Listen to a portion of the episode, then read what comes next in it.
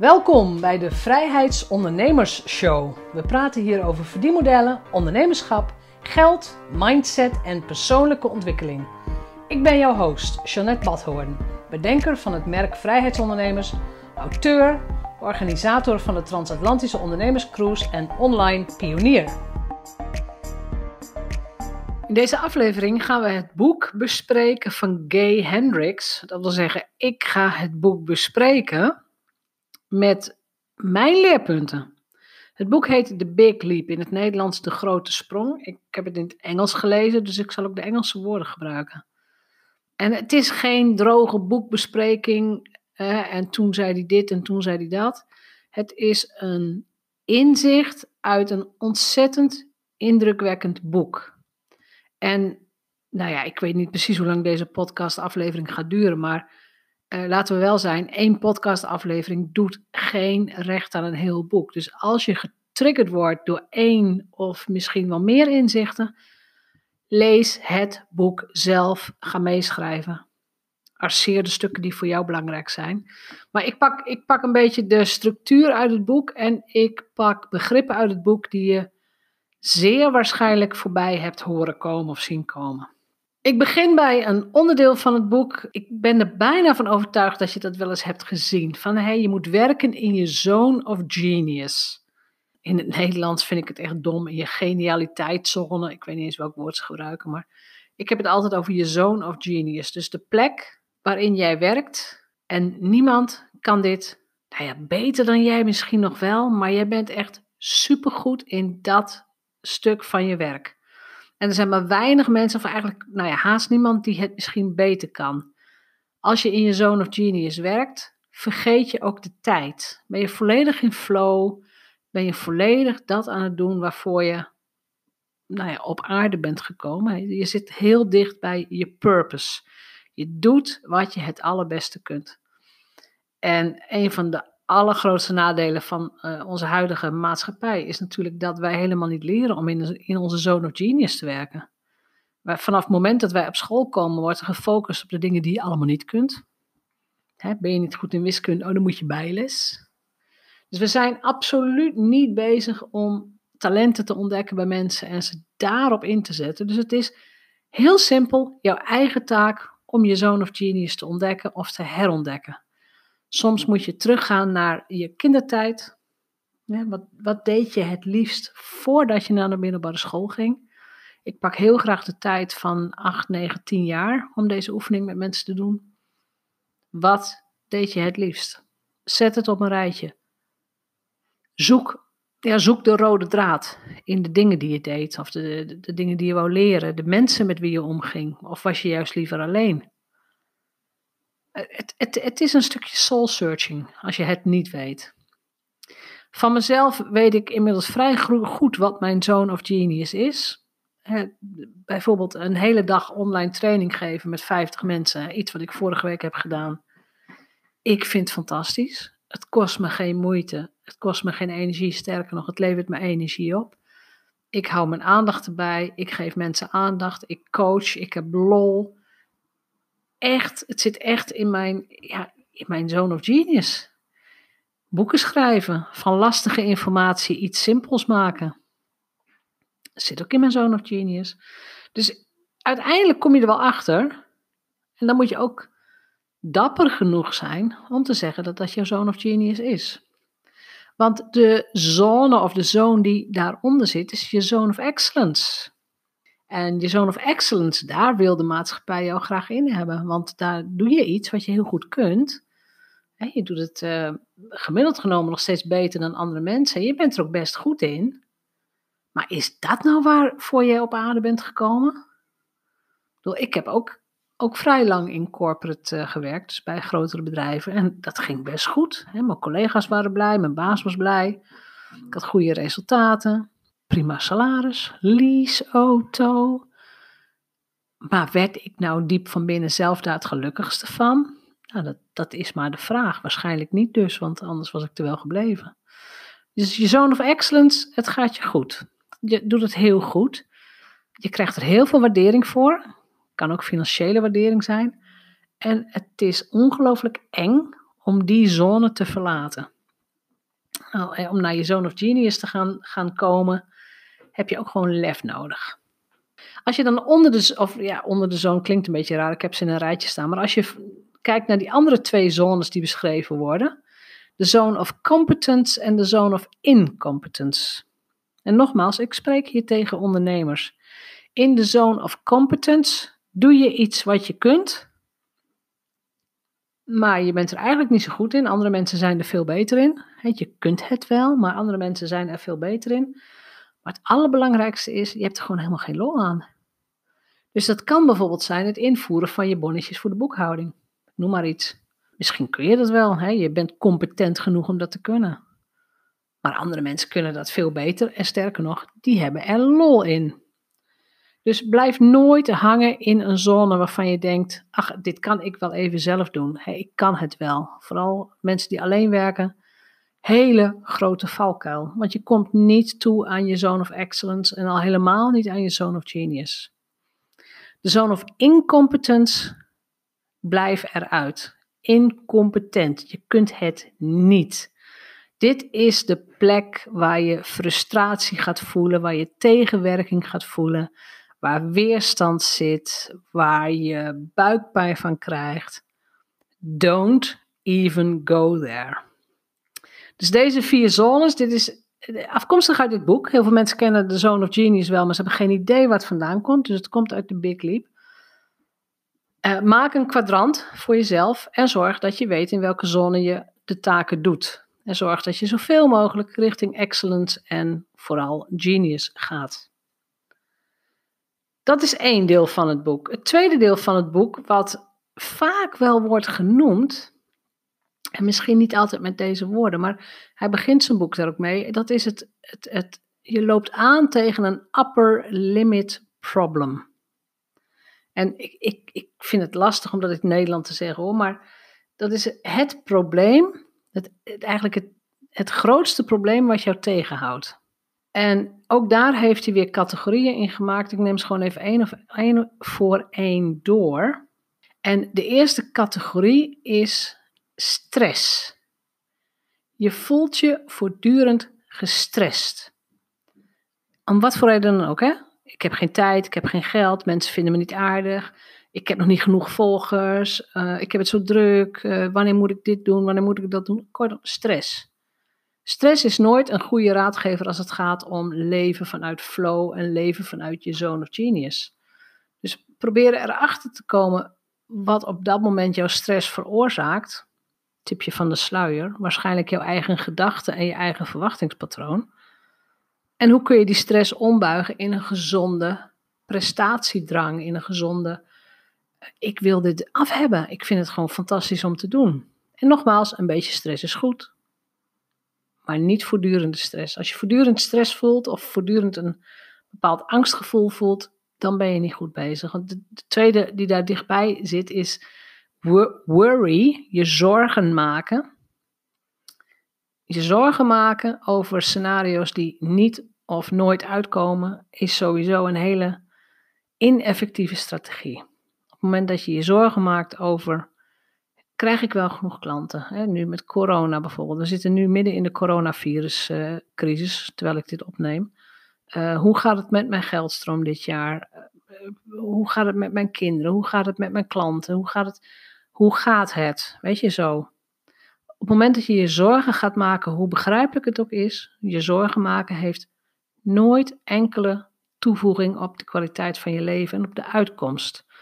Dus op het moment dat jij jezelf betrapt op zorgen, buig het om in wat kan er wel, buig het om in dankbaarheid, buig het om in welke kansen zijn er, uh, door wie laat ik me inspireren, buig je zorgen om. Merk je dat je een heel zorgelijk type bent? Ga dan ook niet proberen om je zorgen op te lossen. Dus ga niet, hè, een zorg kan zijn van, ik heb nooit genoeg geld. Dan ga je niet focussen op, ik wil meer, meer geld. Je gaat je focussen op, waarom heb ik die gedachte? Waarom heb ik die zorg over geld? Waarom heb ik voortdurend de zorg, bijvoorbeeld um, kinderen? Ik weet dat mensen voortdurend bezorgd zijn over oudere kinderen die dan bijvoorbeeld s eh, s'avonds uitgaan. Dat moeders niet kunnen slapen omdat hun kind nog op pad is. Weet je, het klinkt heel raar, maar ik hou heel veel van mijn kinderen. En natuurlijk moet ik ook wel eens denken, oh, ze gaan de stad in als ze maar voorzichtig zijn. Maar ik vertrouw erop dat het goed komt. En ik ga gewoon slapen. En het enige wat ik vraag is, als je thuis komt, maak me even wakker, dan weet ik dat je er bent. En dat doen ze heel braaf. Dus ehm, zorgen, als je merkt dat je zorgelijk bent en het belemmert jou, beperkt je in je leven, zit er maar één ding op. En dat is gaan onderzoeken waarom je dat patroon hebt aangeleerd. Het volgende onderdeeltje is criticism and blame. Dat kan kritiek zijn op andere mensen. Het kan de schuld geven aan andere mensen zijn. Het kan ook kritiek zijn op jezelf en jezelf de schuld geven. Dus het, het heeft alles te maken met hoe ga je om met bepaalde tegenslagen in je leven of hoe ga je om met ook met succes in je leven. Want je ziet het ook trouwens bij succes. Op het moment dat mensen heel, iets heel goeds hebben gedaan, weet ik veel, ze hebben een hele goede presentatie of een hele goede eh, training gegeven, dat ze dan toch tegen zichzelf zeggen, of toch tegen een, als iemand vraagt hoe ging het, ja, het ging wel goed, maar. En dan komt er zoiets van, ik ben dit en dit vergeten, of uh, ze hebben geen gebakje bij de koffie gehaald, of er geen, ging één iemand uh, eerder naar huis, of er vielen bij een presentatie, er vielen tien mensen in slaap. Dus voortdurend gaan zoeken naar punten van kritiek of punten van schuld. Ook dit gaat je niet verder helpen in je leven. Dus dit is ook een upper limit problem. Op het moment dat je dat bij jezelf merkt, hè, wat, welke behoefte heb jij om in dit geval jezelf naar beneden te praten? Of om niet volledig te genieten van het succes wat je op dat moment had? Dus dat is criticism en blame. Dan de volgende categorie die hij benoemt heet deflecting. En dat is, dat is die neiging om jezelf echt onwaardig te voelen, jezelf kleiner te maken. Als ik bijvoorbeeld zeg van, goh, wat heb je een leuke jurk aan? Wat zegt, wat zegt de gemiddelde Nederlandse vrouw? Ja, leuk hè, heb ik in de uitverkoop gekocht. Kostte maar een tientje. Ik noem maar even iets hè. Ehm, of als ik zeg, wat heb, je, wat heb je een goede presentatie gegeven of wat een leuk webinar. Ja, vond je het goed? Met echt zo'n hele verbaasde blik. Uh, ja, vond je het goed? Nou, ik vond, nou, dan komt er weer een hele rij van dingen die niet goed gingen. Niet doen. Denk jezelf gewoon groot. En wil niet zeggen dat je niet jezelf analyseert, maar als je accepteert, het kan altijd beter, maar dit is het beste wat ik op dit moment kon doen, kon doen en dit is prima, hè, goed is goed genoeg, dan geniet je ook van de dingen die je wel doet. We, kunnen allemaal wel iets beter of vollediger of perfectionistischer, maar daar is de wereld helemaal niet mee geholpen. En, en jezelf al helemaal niet. De volgende categorie, hij noemt het squabbling. Ik weet niet eens exact wat het betekent, squabbling, maar het gaat om het feit dat je voortdurend op zoek bent naar ruzie of conflicten. Met wie dan ook. Met jezelf, met je partner, met, met samenwerkingspartners, met klanten. Met, dus het, het gaat goed of er gebeuren dingen in je leven of het gaat misschien zelfs te goed. En jij gaat ruzie maken. En let wel, dit doe je niet bewust, maar dit doe je vanuit een bepaald angstperspectief. Hè. Het, het kan nooit zo lang goed gaan. Of je doet het vanuit een een ehm, bepaald uh, jaloeziepunt. als iemand, stel dat je partner tegen jou zegt van, god, je hebt het wel heel druk met je bedrijf tegenwoordig. Wat iemand dan eigenlijk zegt van, ik vind dat je weinig aandacht en tijd voor ons hebt, maar dat zeggen ze dan niet. Dus ze zeggen, oh, je hebt het wel heel druk met je bedrijf. Soms zeggen ze erachteraan, nou, je hebt helemaal geen tijd meer voor ons. Wat je heel vaak ziet dan, is dat mensen zeggen, ja, jij dan, je werkt zelf ook fulltime. En gewoon bam, meteen er tegenin. En dit is niet zo'n effectieve strategie. Het is veel effectiever om te zeggen: ja, ik heb het inderdaad ontzettend druk gehad. Ik heb jullie niet de aandacht gegeven die ik wou geven. Ehm, maar hoe kunnen we dat volgende week beter doen? Wat fijn dat je het vraagt of wat fijn dat je het opmerkt. Maar dat doen we heel vaak niet. We voelen ons aangevallen. En daar houden we niet van. Dus dat is squabbling. En de laatste categorie die hij beschrijft is getting sick of getting hurt, een upper limit problem. En dan, dit is een hele interessante, want dit zijn dingen Als je erop gaat letten, ga je ze zien. Ik weet het, een beetje een Johan Cruijff uitspraak. Maar dat zijn bijvoorbeeld van die momenten dat iemand een presentatie moet geven of je wilt iemand interviewen en de dag ervoor of de dag zelf bellen ze af of uh, schrijven ze je een mailtje. Het kan niet doorgaan, want ik heb geen stem meer. Of mensen die zo uitgekeken hebben naar een vakantie en zich gaan ontspannen. En wat zijn ze dan op de eerste twee, drie dagen? Hartstikke ziek. Dus het, ook dat is een zogenaamd upper limit problem, omdat je niet vanuit balans leeft. Je leeft niet vanuit vertrouwen dat je iets kunt. Je leeft niet vanuit zelfintegriteit. Hè? Want op het moment dat je bijvoorbeeld heel zenuwachtig bent voor een presentatie. Kinderen op school hebben het al. Hè? Ze een spreekbeurt moeten doen, ze zijn acuut ziek. Ze zijn misselijk, ze zijn, ze, omdat ze het niet durven, ze vinden het eng. Dus ook dat is een upper limit problem. Wat je daaraan kunt doen, is erkennen dat iets bijvoorbeeld spannend kan zijn of stressvol. Daar eerlijk over zijn en het dan toch doen. Het probleem bij ziek worden op je eerste vakantiedag begint natuurlijk al weken en weken en weken daarvoor. Want je leeft al vanuit een niet gebalanceerde situatie. Je leeft al vanuit een, ja, een stress van het moet af en het moet nu en mijn klanten en dit. En wat vinden ze wel niet van mij als ik het niet af heb? Dus dat begint al veel eerder. En ja, wil, als, je, als, je, als je niet wilt dat je ziek wordt op je eerste vakantiedag, dan moet je dat niet twee dagen van tevoren bedenken. Dan moet je eigenlijk je hele leven onder de loep nemen en kijken wat is er aan de hand. Waarom heb ik dit upper limit problem, om het zo, zo te zeggen. Dit is het onderdeel upper limit problem. Ik hoop dat jullie het herkennen. Ik herken ze zelf absoluut zeker. En ik ben me heel bewust zeker van stress, worry, criticism, blame. Uh, daar ben ik me heel erg van bewust. Deflecting, mezelf naar beneden praten, heb ik op dit moment niet zo'n last meer van.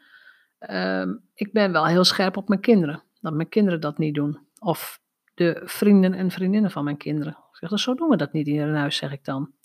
Je praat hier positief over jezelf. Ruzie maken, oh oh, ken ik heel goed. Als ik het verwijt krijg, ja, je werkt ook zoveel zeg ik, ja, en jij dan? Je werkt ook fulltime. Weet je, het is zo gemakkelijk om in die valkuil te stappen. En ik stap er net zo hard in hoor, wees niet bang. Getting sick, getting hurt. Ik zie hem veel, ik heb er zelf iets minder last van. In de zin van, ik vind ook dingen wel spannend of eng, maar ik vermijd ze niet, ik doe ze gewoon. En ik erken dan ook gewoon dat het spannend of eng zou kunnen zijn. Maar niet, niet dat ik dan ziek word of weet ik veel, of mijn stem verlies. Of uh, nee, gelukkig niet. We hoeven niet allemaal alles te hebben. Er komen nog twee onderdelen uit het boek aan wat ik, die ik in elk geval wil bespreken. En het, dus we hadden de zones, de, zone of genius, we hadden de upper limit problem. En het derde onderdeel zijn de hidden barriers, dus de verborgen drempels, de verborgen obstakels, hoe je het dan ook vertaalt in het Nederlands. En dat zijn gedachtes, onbewuste gedachtes, diep in jou, die ervoor zorgen dat je niet vooruit komt. Het stomme is dat je, als je het niet weet, hè, als het onbewust is, ja, wat kun je er daaraan, wat kun je er dan aan doen? Laten we eens kijken naar die vier hidden barriers. De eerste die hij beschrijft is feeling fundamentally flawed. En feeling fundamentally flawed wil zoiets zeggen als je er is altijd dat gevoel in jou dat je ergens iets tekort komt. Dat er ergens iets mis met jou is. En je weet niet precies waarom je dat voelt. Je weet ook niet of het waar is, want het, is iets wat je eigenlijk jezelf hebt aangepraat. En dat uitzicht in, dat uitzicht in uh, het denken als ja, ik ben anders dan de anderen. Of ze begrijpen toch me niet. niet. Of ik ben eh, de, ja, de weird one standing out. Of ik ben, ja, ik ben nou eenmaal anders dan andere mensen. Als je die, als je die hidden barrier hebt, blijf je ook je eigen gebreken zien. Dus je blijft ook zien van, ja, zie je wel, het lukt mij toch niet. Andere mensen kunnen het wel, maar ik kan het niet. Als je blijft denken van, er is iets mis met mij, dan zul je ook niet de sprong kunnen wagen naar, ik ben goed genoeg, het is prima, Ik doe gewoon wat ik kan en ik ga nu op zoek naar mijn zoon of genius en daar ga ik mijn leven leiden. Zonder me zorgen te maken of er iets mis met je is. Er is, weet je, als je het heel simpel zegt, er is iets mis met mij, er is iets mis met jou. En als je het omgekeerd is, het ook waar. Ehm, alles wat je doet is fantastisch, alles wat ik doe is fantastisch. En ik ga er even vanuit dat wij gewoon binnen de wet leven natuurlijk. Hè? Dus we, we doen allemaal gewoon de dingen die wij moeten doen op onze eigen manier. En, ehm, maar het is niet zo dat we allemaal overal even goed in zijn. Dat is gewoon niet zo. En er is ook niemand die van jou verwacht dat je even goed gaat zijn als de persoon die je bewondert. Of uh, dat ik ga verwachten dat ik de nieuwe Oprah ben of zo. Nee, ik ben gewoon mezelf en ik heb ook besloten om het helemaal op mijn eigen manier te doen. Uh, dat is ook een van de dingen, eh, feeling fundamentally flawed bijvoorbeeld. Uh, ik, want die hidden barriers, daar, daar, heb ik echt heel veel aan gehad. Het zijn onbewuste gedachten bewust gemaakt. Ik heb er heel lang tegen aangehikt om een podcast te starten. Uh, waarom? Omdat ik wou dat hij heel succesvol wordt. ik wil miljoenen downloads. Uh, wie ben ik om te denken dat? En er zijn al zoveel podcasts en de Nederlandse taal, um, het taalgebied is zo klein. En dan komen de andere dingen.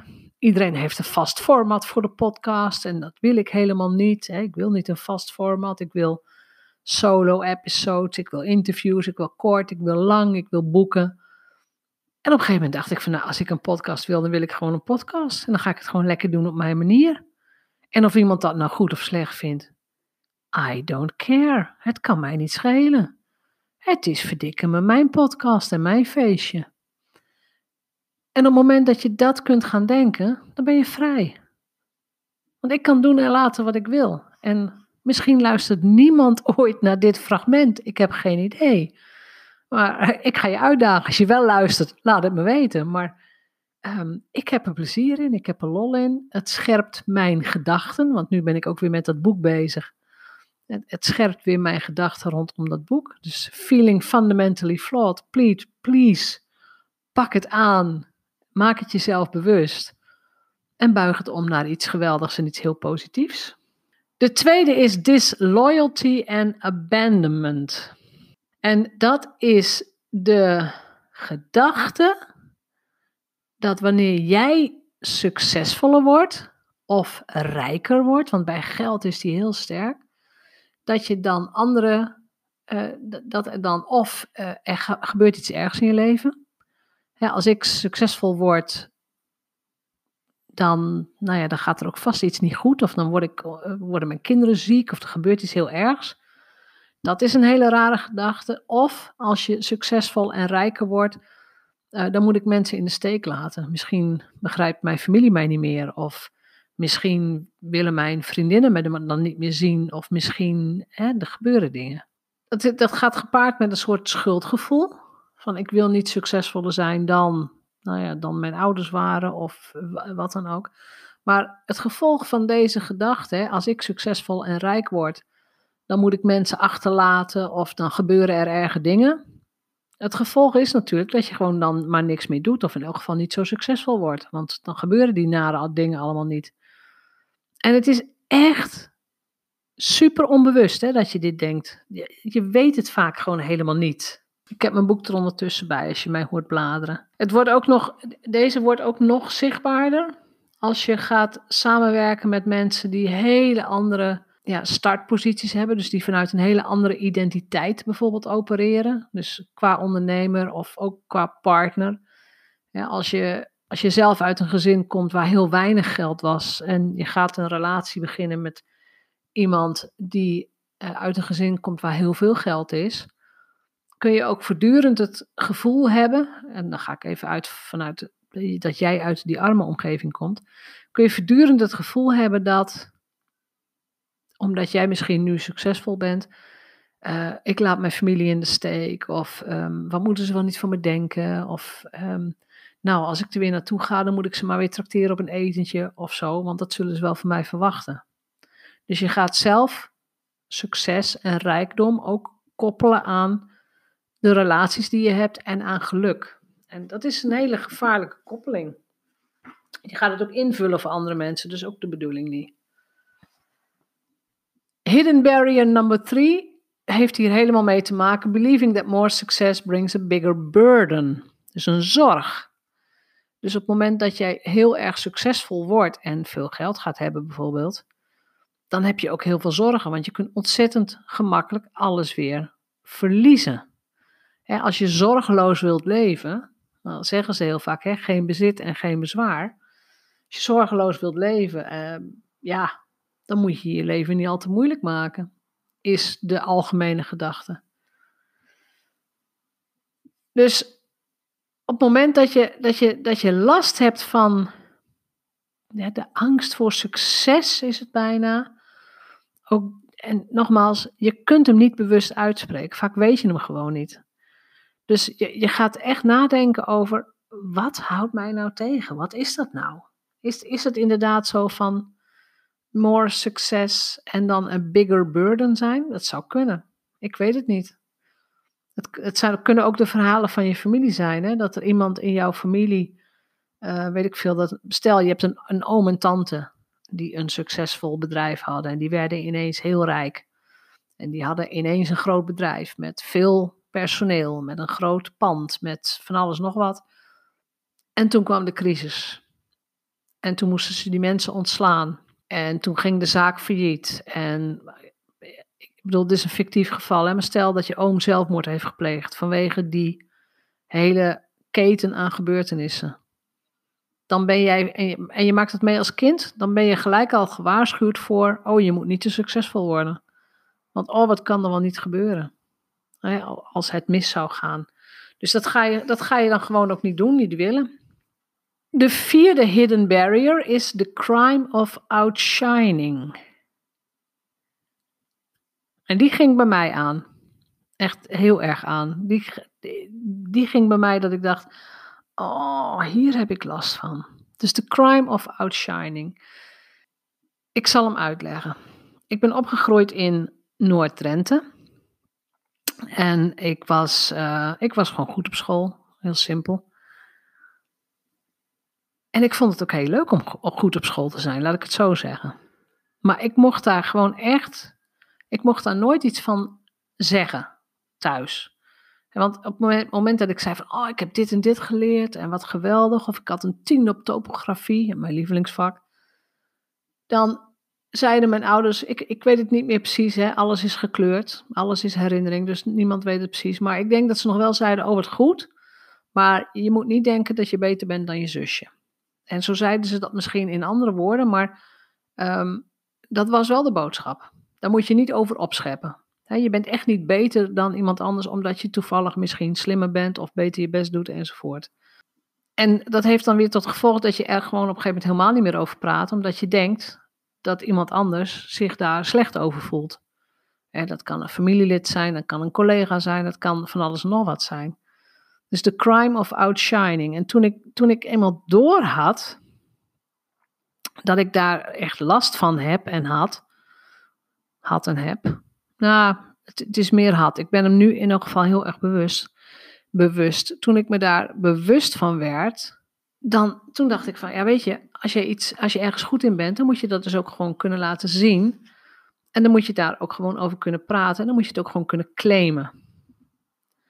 Dus als jij als kind ook te horen hebt gekregen, nou denk maar niet dat je iets bijzonders bent of Ehm, dat moet je niet zo zeggen, want dan voelt die ander zich dom. Dat soort opmerkingen. Als, je, als jij daarop aangaat, uh, lees dan dat hele hoofdstuk, want het is natuurlijk veel langer dan wat, dat ik het zo vertel. Maar dan kan het best zijn dat het jou klein houdt, omdat je nu niet heel erg zichtbaar durft te zijn. Of nu niet durft te zeggen van ik schrijf ook een boek. Of ik begin ook met een podcast. Of ik ga video's van mezelf maken. Want ja, wie ben jij wel niet om dat te doen? Je moet niet denken dat je iets bijzonders bent. Weet je, dat, dat soort onbewuste stemmetjes komen dan steeds weer in je hoofd. En sinds ik me dit bewust ben, the crime of outshining, denk ik, ja, weet je, we moeten allemaal shinen op onze eigen manier. Dus ik roep heel vaak, ook tegen mijn kinderen en tegen andere mensen. Ik zeg, ja, maar jij hebt andere talenten. Iedereen heeft talenten en die moeten we echt vol en vol en vol gaan leven. En dit is echt een oproep hoor aan jou. Uh, dan nog een laatste. Ja, eigenlijk zijn het nog twee laatste dingetjes. Hij heeft het nog over de drie P's, de three P's: punishment, prevention en protection. En dat is dus dat is dus steeds het signaal dat als iets goed gaat, als je echt lekker in je, in je zone of genius bent, dat je, je kunt niet altijd daarbij, je kunt niet altijd daar zijn. Dus ik kan niet altijd boeken schrijven. Ik kan niet altijd mensen coachen. Dus op het moment dat je dat wel doet, dan gaat jouw lichaam ingrijpen. Dus dan heb je ineens toch hoofdpijn, bijvoorbeeld als je gaat schrijven, of je krijgt ineens last van je ogen, of dat kan van alles zijn. En het grappige is, en dat heeft ook te maken met die preventie en protectie, ze willen, willen je, uh, je lichaam wil je eigenlijk beschermen voor jezelf.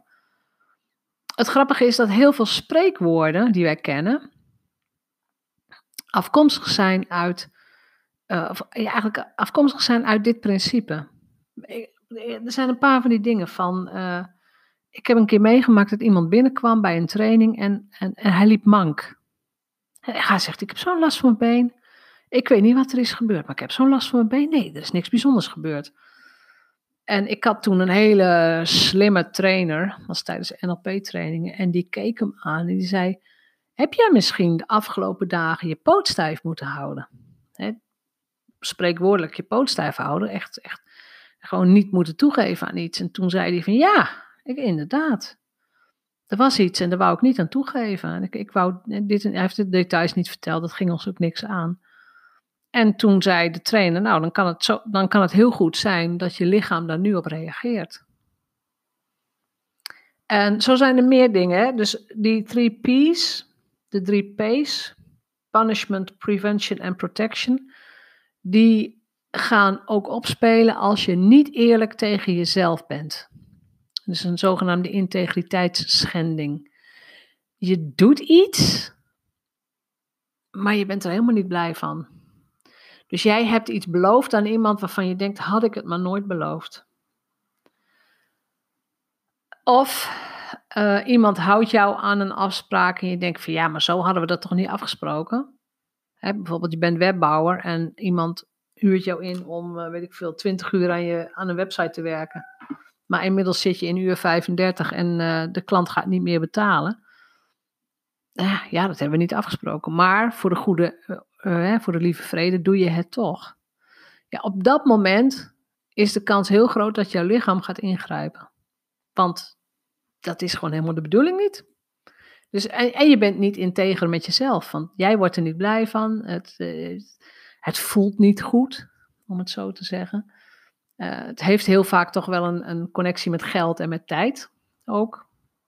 Maar als je, je daar, als, je, als, je het, als je jezelf erop betrapt op de gedachte, dit hadden we niet afgesproken, zo wil ik het niet, ga dan terug naar de basis en wacht niet tot het te laat is. Dus wacht niet tot je echt ergens last van krijgt fysiek. Of dat je echt in een burn-out komt. Of dat, je echt, dat er echt iets met je is. Want nou ja, wij kunnen onszelf heel lang goed voor de gek houden.